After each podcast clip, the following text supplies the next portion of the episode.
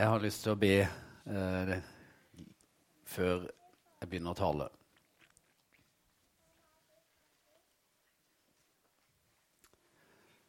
Herre Jesus, det kan være noen her inne som går gjennom en livsstorm akkurat nå. Og jeg vil be om at du skal komme nær til deg det gjelder.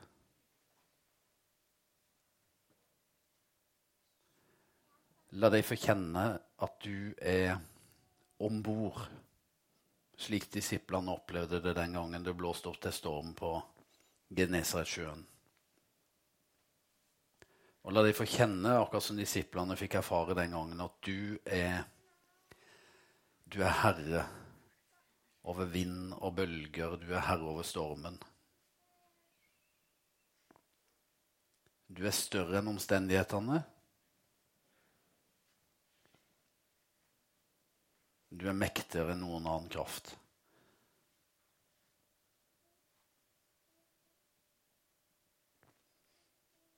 Jeg har lyst til å be veldig konkret eh, Jesus om at du skal la din Hellige Ånd være virksom iblant oss eh, nå i formiddag. Vi trenger at du møter oss, at du berører oss. Vi trenger deg i våre liv. Og jeg ber om at, eh, at vi skal få erfare det.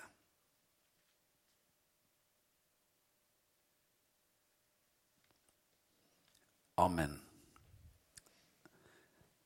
Jeg lurer på om vi kanskje skal dempe den monitoren litt. så jeg får veldig sånn bokslyd i retur her. Ok, vi holder på med en uh, prekenserie fra Johannesevangeliet.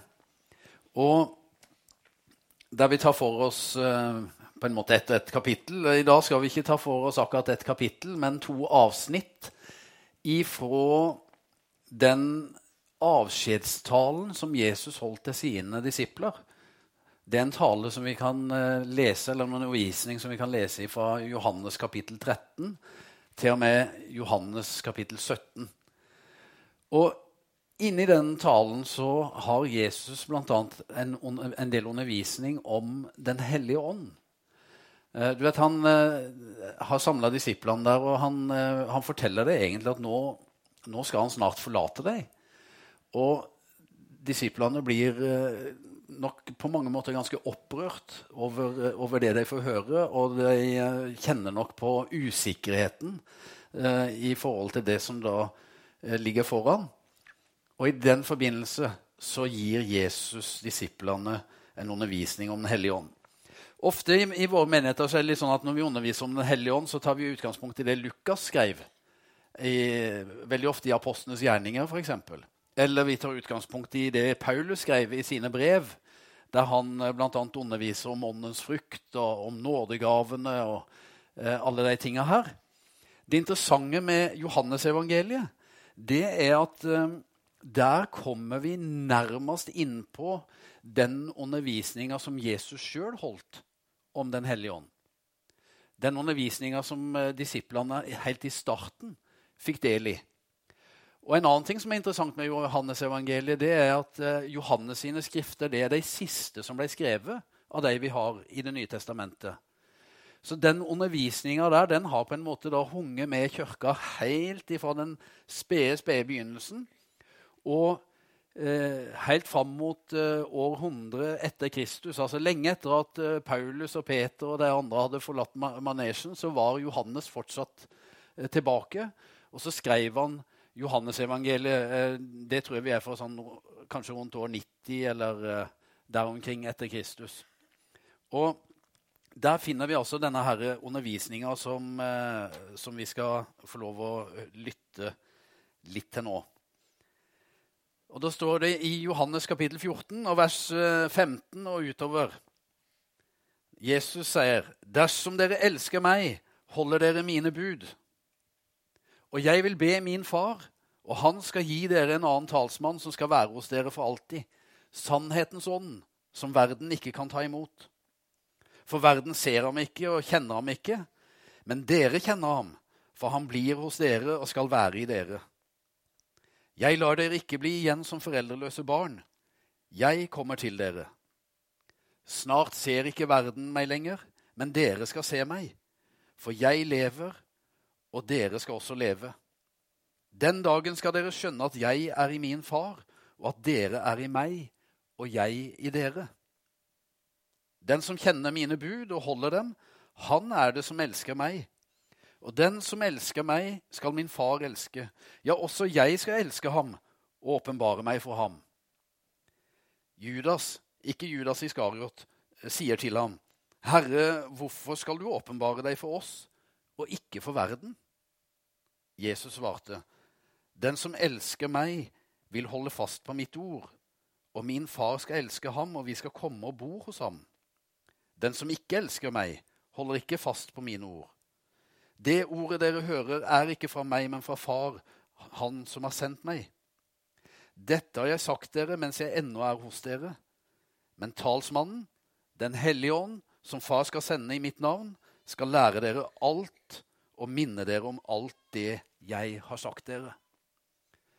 Og Så fortsetter Jesus sin undervisning, og så litt seinere i den samme undervisninga kommer han tilbake med eh, denne undervisninga om Den hellige ånd. Og Da står det fra kapittel 15, vers 26 og utover. Når talsmannen kommer, han som jeg skal sende dere fra far, sannhetens ånd som går ut fra far, da skal han vitne om meg. Men også dere skal vitne, for dere har vært hos meg fra begynnelsen av. Dette har jeg sagt dere for at dere ikke skal bli ført til fall. De skal utstøte dere av synagogen. Ja, det kommer en tid da de som slår dere i hæl, skal tro at de utfører en tjeneste for Gud. Det skal de gjøre fordi de verken kjenner min far eller meg. Dette har jeg sagt dere for at dere skal huske at jeg sa dette om dem når deres tid kommer. Jeg fortalte dere ikke dette fra begynnelsen av, for da var jeg hos dere. Nå går jeg til ham som har sendt meg, men ingen av dere spør, hvor går du? For sorg har fylt hjertet deres fordi jeg har sagt dere dette. Men jeg sier dere sannheten. Det er det beste for dere at jeg går bort. For dersom jeg ikke går bort, kommer ikke talsmannen til dere. Men går jeg bort, kan jeg sende ham til dere. Og når han kommer, skal han gå i rette med verden og vise dem hva synd er, hva rettferdighet er, og hva dom er. Synden er at de ikke tror på meg. Rettferdigheten er at jeg går til far, og dere ser meg ikke lenger. Dommen er at denne verdens fyrste er dømt. Ennå har jeg mye å si dere, men dere kan ikke bære det nå. Men når sannhetens ånd kommer, skal han veilede dere til hele sannheten. For han skal ikke tale ut fra seg selv, men si det han hører, og gjøre kjent for dere det som skal komme. Han skal herliggjøre meg, for han skal ta av det som er mitt, og forkynne det for dere. Alt det som min far har, er mitt. Derfor sa jeg at han skal ta av det som er mitt, og forkynne det for dere. Vi kan ikke gå i detalj på alt det jeg har lest nå. Altså, her er jo nok stoff til minst ei uke på skolebenken, eller, eh, eller vel det. Eh, skal, men jeg skal forsøke å trekke fram noen ting som, eh, som jeg tenker at kjennetegner Jesu undervisning om Den hellige ånd. Og Det første som jeg har lyst til å stoppe litt opp for, det er dette her at den hellige ånd Det virker som at Den hellige ånd bringer den usynlige Guds nærvær til oss. For Jesus snakker om ei tid da han ikke lenger skal være på jorda sånn fysisk, kroppslig til stede, men da han har dratt tilbake til sin far. Men der han likevel sier til disiplene at han skal være hos deg. Så åssen foregår det, da? Jo, han sender talsmannen, Den hellige ånd. Det er Jesu nærvær, det er Guds nærvær, det er Faderens og Sønnens nærvær blant oss i dag.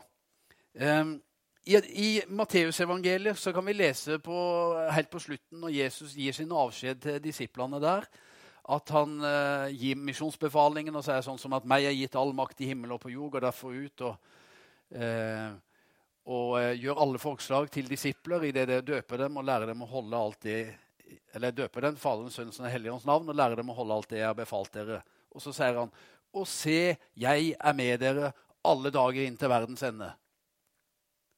I Johannes-evangeliet så sier ikke Jesus det på akkurat den måten. Men han sier det på en annen måte.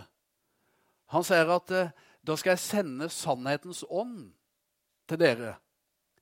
Han, og han skal alltid være hos dere.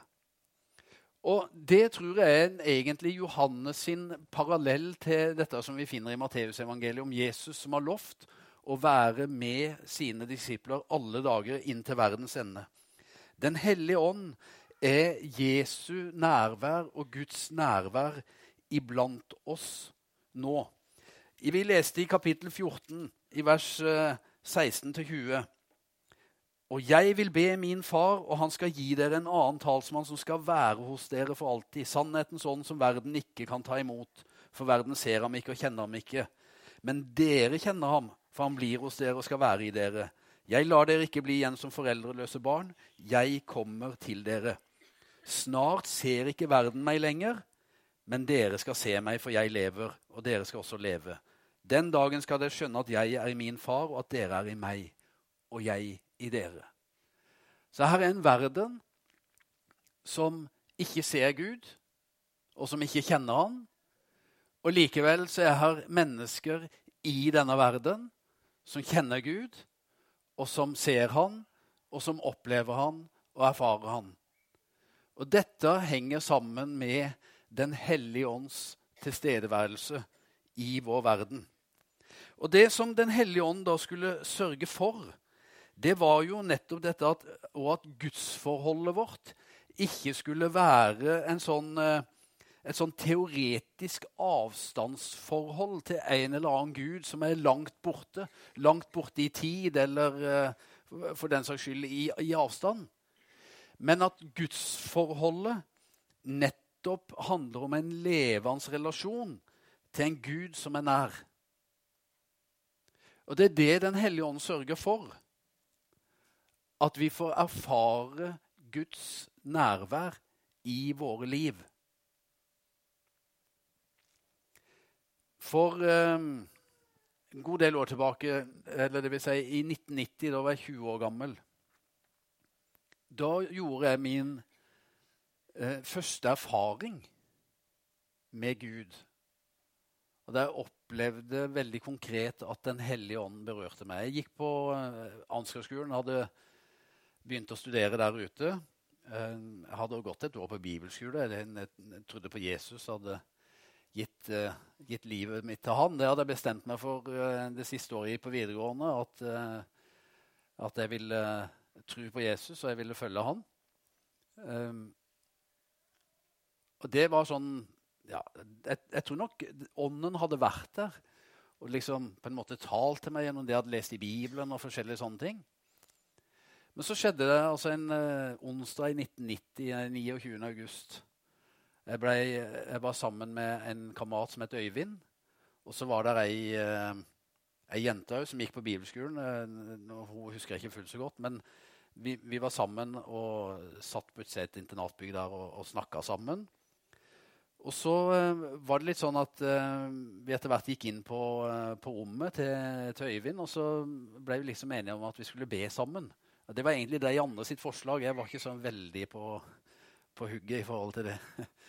Men vi gikk nå inn der, og så husker jeg at jeg satt i sofaen inne på rommet til, eh, til Øyvind. Og mens vi var der og ba, så, så opplevde jeg noe, eller erfarte noe som jeg aldri hadde opplevd før. Og det, det var først som et sånt spesielt nærvær i det rommet. Og så husker jeg Øyvind han, han ba, og så sa han til, til Gud så husker jeg veldig godt han sa Jesus, jeg takker deg for at du er her nå. Og da var det en kraft i det rommet. En, eh, som en slags vind eller bølge. Et eller annet var det som, som møtte meg veldig kraftig der jeg satt i den sofaen og feide over meg. Um, så behøver vi ikke gå veldig i detalj om akkurat hvordan den opplevelsen eller erfaringen var. For jeg tror at sånne opplevelser og sånne erfaringer er veldig på en måte individuelle og veldig forskjellige fra, fra person til person. Men det det iallfall førte til, det var en sånn, eh, et sånn tydelig punkt i mitt liv der jeg for den dagen visste at Gud, du har berørt meg. Og du har, du har merka meg for resten av livet. Og jeg tror jeg kan si det at jeg, jeg hadde ikke stått her som pastor i dag. Og veldig mye av det jeg har drevet med, hadde ikke skjedd om det ikke var for det som skjedde den gangen der. En veldig konkret opplevelse av Guds nærvær i mitt liv. Alle opplever det kanskje ikke like konkret, eller har opplevd det. Men jeg, har, jeg hadde lyst til å fortelle om det i dag. Eh, fordi at jeg tenker det er et, det er et vitnesbyrd blant mange andre vitnesbyrd om at Gud er ikke død teori, men Gud er en levende Gud. Og som kan møte der og med veldig konkret og veldig direkte midt inn i våre liv og i våre livssituasjoner. Og Det er ikke eneste gangen jeg har erfart uh, Gud uh, sånn veldig konkret i livet mitt. Men det var, det var, den første gangen. Så har det vært andre ganger. Det har spurt meg sjøl om det seinere. Gud, når er, det, når er det jeg erfarer ditt nærvær egentlig i livet mitt? Og det er i ulike situasjoner, det. Men, men jeg har òg opplevd opp igjennom at det, det, kan være sånn som når vi er på gudstjeneste nå, og når vi, når vi lovsynger og tilber Gud sammen. Det er et eller annet i musikken i fall, som, som Gud bruker, som treffer meg. Eh, det skjer noe hvis jeg setter meg ned med, med, Guds ord og leser det. Ikke alltid. Noen ganger kan det være knusktørt for pastoren å lese i Bibelen. Men eh, det hender av og til at der skjer det noe. Jeg opp, har opplevd konkret mange ganger at Gud har berørt meg når mennesker har bedt for meg. Noen har lagt hendene sine på meg og bedt for meg. En annen ting jeg òg har opplevd, det er at i noen av de stundene i livet der jeg har hatt det vanskeligst og tøffest, så har det vært et nærvær av Gud og en erfaring at han var der. Og noen ganger når en står overfor utfordringer, vanskelige valg, så har det vært en veldig tydelig erfaring av Gud som har kommet nær, og som på et eller annet vis har pekt ut en vei. Og Så tror jeg igjen at det, ja, det er kanskje ulikt fra person til person. Men jeg tror på en Gud som er nærværende, og som er virkelig. Midt inn i denne verden. Og det er Den hellige ånd som, eh, som formidler dette nærværet. Det sto noe her om sannhetens ånd som, som, verden ikke kan ta imot. og Det må vi kanskje eh, kommentere litt. fordi jeg, jeg, tror på en måte at Den hellige ånd er ikke for alle. Eller på en måte er han det, men på en annen måte ikke. For Den hellige ånd er, en, er, den erfaringen av Gud som det troende mennesket gjør. Eller det mennesket som vil tro. Det mennesket som altså Jesus kobler det jo opp til at, uh, at vi har kjærlighet til Hans ord. Vi har kjærlighet til Han og Hans ord. Og En annen plass i Johannesevangeliet så sier Jesus det på den måten at den som tørster, skal komme til meg og drikke. Den som tror på meg, for hans indre skal det, som Skriften sier, renne elver av levende vann. Dette sa han om ånden som de som trodde på ham, skulle få. For ånden var ennå ikke kommet, for Jesus var ennå ikke blitt herliggjort. Og Det er et eller annet i dette her som vi holder på med, som kaller oss kristne, som er litt uforståelig for den som ikke er kristen, eller den som ikke er en troende. Det er som en litt sånn usynlig verden, ja for de andre. Og Det blir litt sånn som hvis eh, jeg håper jeg, Kristin og meg på kontoret skulle begynne å snakke veldig mye om våre colombianske eh, venner og kollegaer og sånt som vi har levd blant der ute. Og, så, og da, da, tenker jeg Torunn, som også er der, hun, hun, hun, kjenner liksom på at nå er, nå er, jeg ikke helt med. Nå er jeg litt utafor. Eh, dette her er liksom det, det, er en verden som jeg ikke har noe med. Og Litt sånn er det kanskje òg når vi kristne snakker om dette med at Gud han møter oss, han berører oss, han taler til oss. Og noen av de rundt oss de, de kan bare riste på hodet og si at dette ser jeg ingenting til. Dette skjønner jeg ikke, eh, altså, bærer, eller kobler ikke på det i det hele tatt. Det har med Den hellige ånd å gjøre, og med erfaringen av Guds nærvære formidla ved Den hellige ånd å gjøre. Det tror jeg. Um, det er jo interessant å se på pinsedagen når ånden kom, den ånden som Jesus hadde, hadde forutsagt. Så var det ikke sånn at Den hellige ånd eh, falt sånn tilfeldig rundt forbi i Jerusalem. Den hellige ånd kom veldig konkret til ett bestemt sted og til ett bestemt folk. Og Sannsynligvis så var det slik at Den hellige ånd kom til det samme rommet som Jesus og disiplene hadde sittet i når han holdt den undervisninga her. Øvresalen i Jerusalem. For der var disiplene samla på pinsedagen. Det var 120 stykker som hadde vært sammen i ti dager og bedt til Gud. Der kom Den hellige ånd. Og jeg tror at det er en åndelig lov i det. At Den hellige ånd kommer, og Den hellige ånd faller, og Den hellige ånd fyller de mennesker og de hjertene som tørster etter Gud, som lengter etter Gud, der det er et rop etter at Gud skal Etter Guds tilstedeværelse i våre liv. Der faller ånden. Det andre punktet jeg har lyst til å trekke fram fra Jesu undervisning, er at den hellige, han sier at når Ånden kommer, talsmannen kommer, så skal han vitne om meg. Og Samtidig så sier han at også dere skal vitne. Eh, den hellige ånds tjeneste overfor verden, det er å vitne om Jesus. Peke på Jesus Kristus.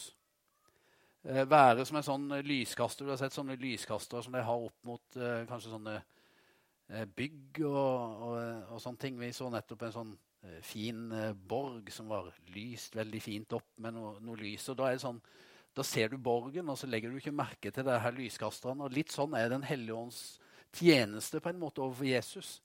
Det er ikke han som vil bli lagt merke til, men han ønsker å lyse opp Jesus og tydeliggjøre han for verden.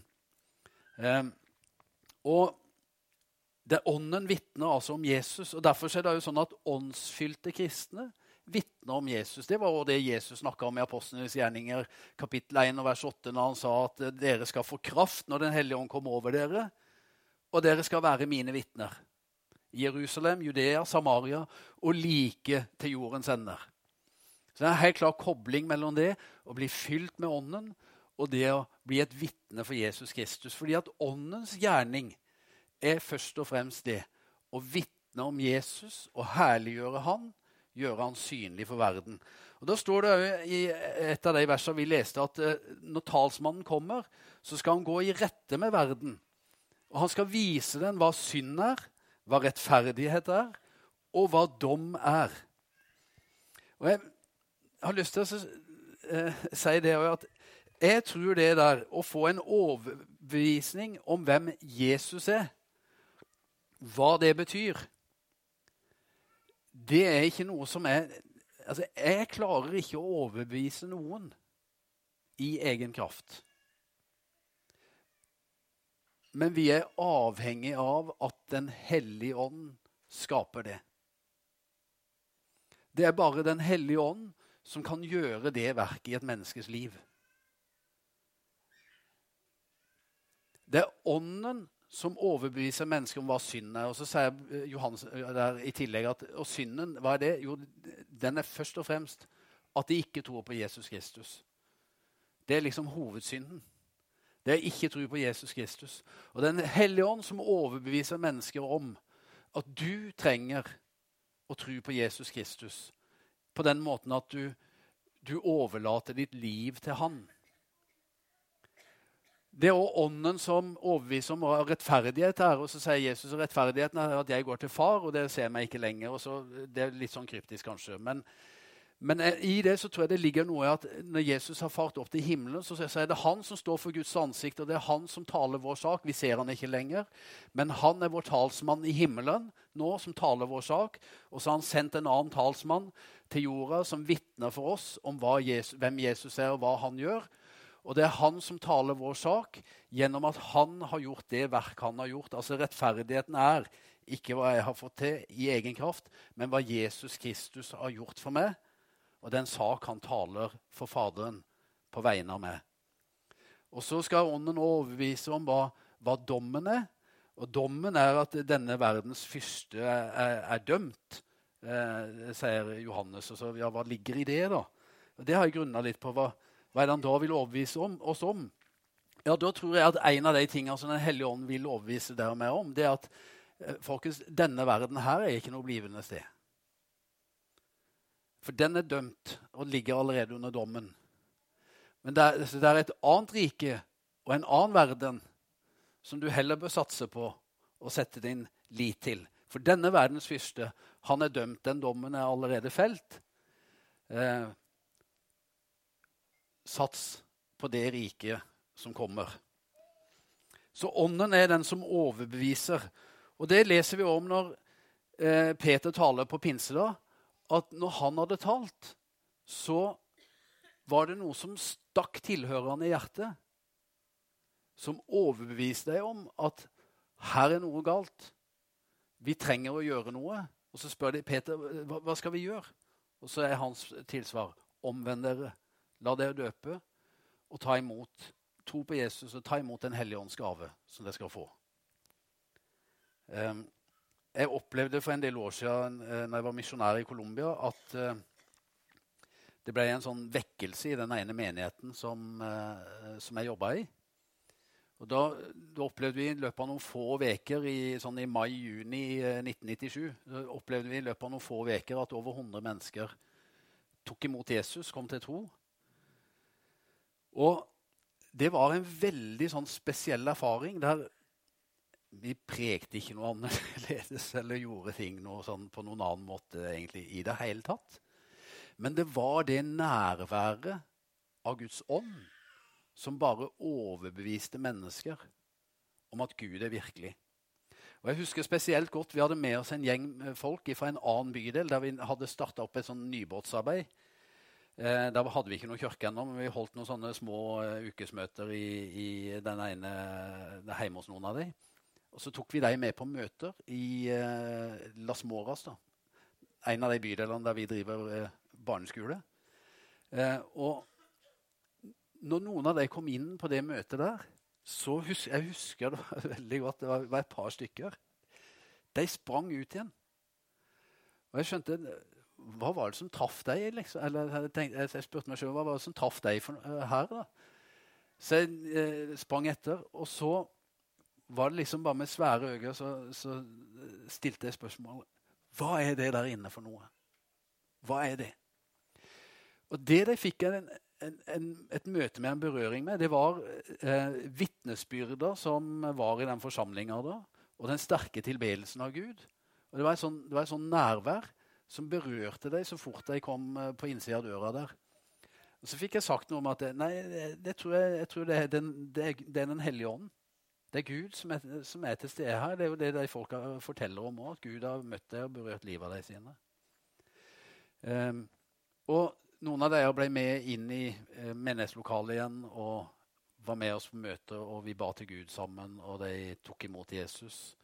Og blei de første som blei ble lagt til menigheten i den nye bydelen i La Central, som det het. Men det var Ånden som overbeviste. Den hellige ånd som gjorde verket.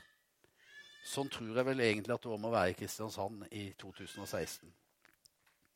Det siste punktet som jeg har lyst til å dele, det er at Den hellige ånd veileder oss til sannheten, står det her. Jesus snakker om det ved flere anledninger i den teksten. At ånd, sannhetens ånd, og han skal veilede til sannheten. Og han skal minne dere om det jeg har sagt og det jeg har talt. Og Der tror jeg oppriktig på det at hvis mennesker er sannhetssøkende, så tror jeg at Den hellige ånd vil komme opp på sida og hjelpe deg og veilede deg. Og da først og fremst veilede deg til sannheten med stor S, som er Jesus Kristus. Jeg er sannheten, hadde Jesus sagt. Men det tror jeg er det første, og det mest fundamentale. At en får tak på den åpenbaringa av Gud som har funnet sted i Jesus Kristus. Eh, men så tror jeg noe, at det ligger noe mer i det her med at vi skal veilede oss til den fulle sannheten. Og Det tror jeg henger annet litt sammen med at vi lever i en verden som stadig endres. Ja, det var en åpenbaring av Gud i Jesus Kristus gjennom Hans Sønn for 2000 år siden. Og det fikk visse konsekvenser for de menneskene som møtte han da.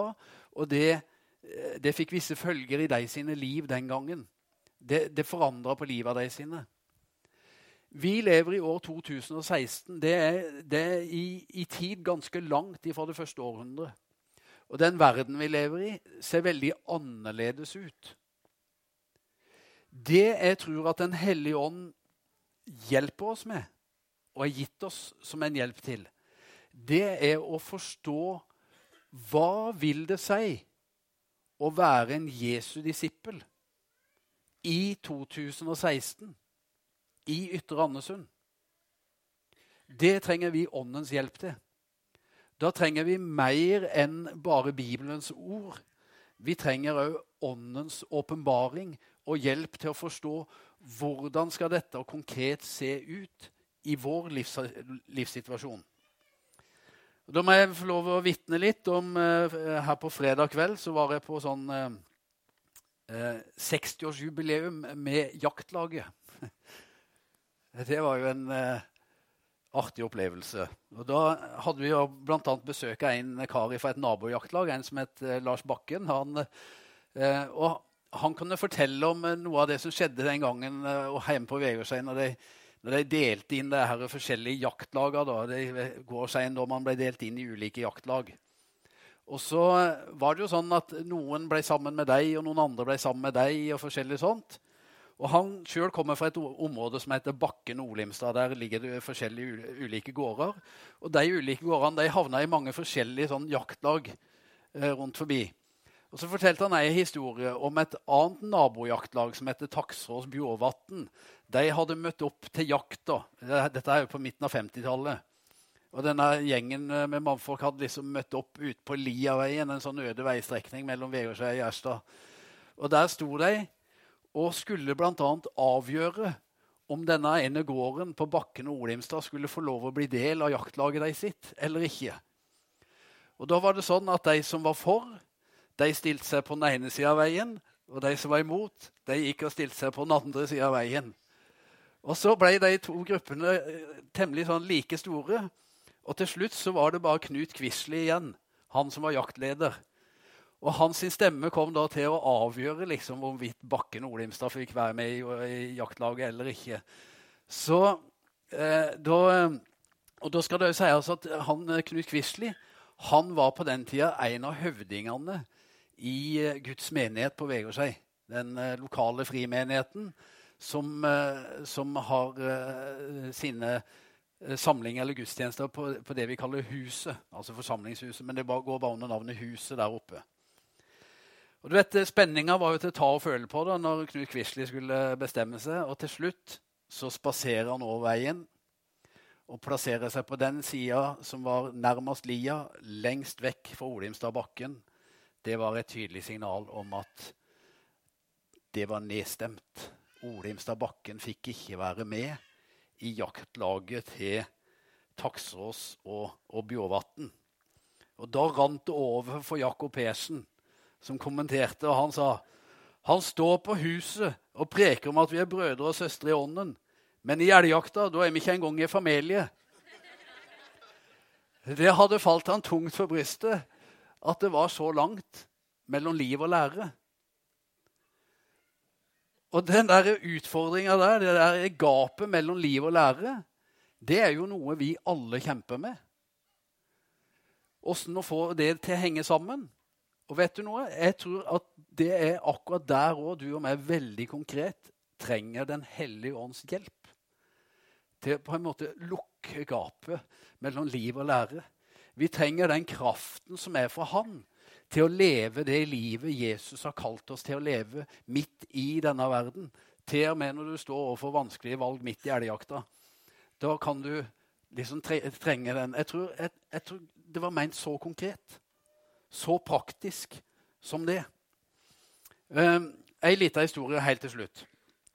Det forteller oss om den kjente predikanten eh, Dwight Lyman uh, Moody som uh, var en stor vekkelsespredikant i Amerika. og Han kom til uh, England og skulle holde en kampanje der. Og Da var det en av de eldre pastorene som protesterte og som, som spurte hvorfor trenger vi denne herr Moody. Han er ulærd, uerfaren osv. Hvem tror han at han er? Tror han at han har monopol på Den hellige ånd? Og Da var det en yngre, klok pastor som reiste og svarte nei. Men Den hellige ånd har fått monopol på Hammudi. Og det var det som gjorde han til det voldsomme redskapet for Gud. Og jeg tror det at det denne verden trenger mer enn noe, er mennesker som er fylt av Den hellige ånd. Og i et jaktlag. Og i ditt nabolag. På din arbeidsplass. Et menneske fylt av Ånden. Og jeg tror at vi ber ofte om så altfor lite. For vi ber til Gud om å få et godt råd. Vi ber til Gud om å få litt visdom. Vi ber til Gud kanskje om en helbredelse. Kanskje om litt hjelp i en konkret situasjon. Og så er det han vil gi oss, det er seg sjøl. Det er en person, Den hellige ånd, som han vil gi oss, og som vil fylle oss med sitt liv. Og Derfor er min utfordring i formiddag det er ta imot Den hellige ånd. Ta imot Ånden. For du trenger han. Vi trenger han alle sammen. Og denne verden trenger han. Tone Charlotte, da må du komme fram her med teamet. Og så har jeg prekt lenge og vel, vet jeg.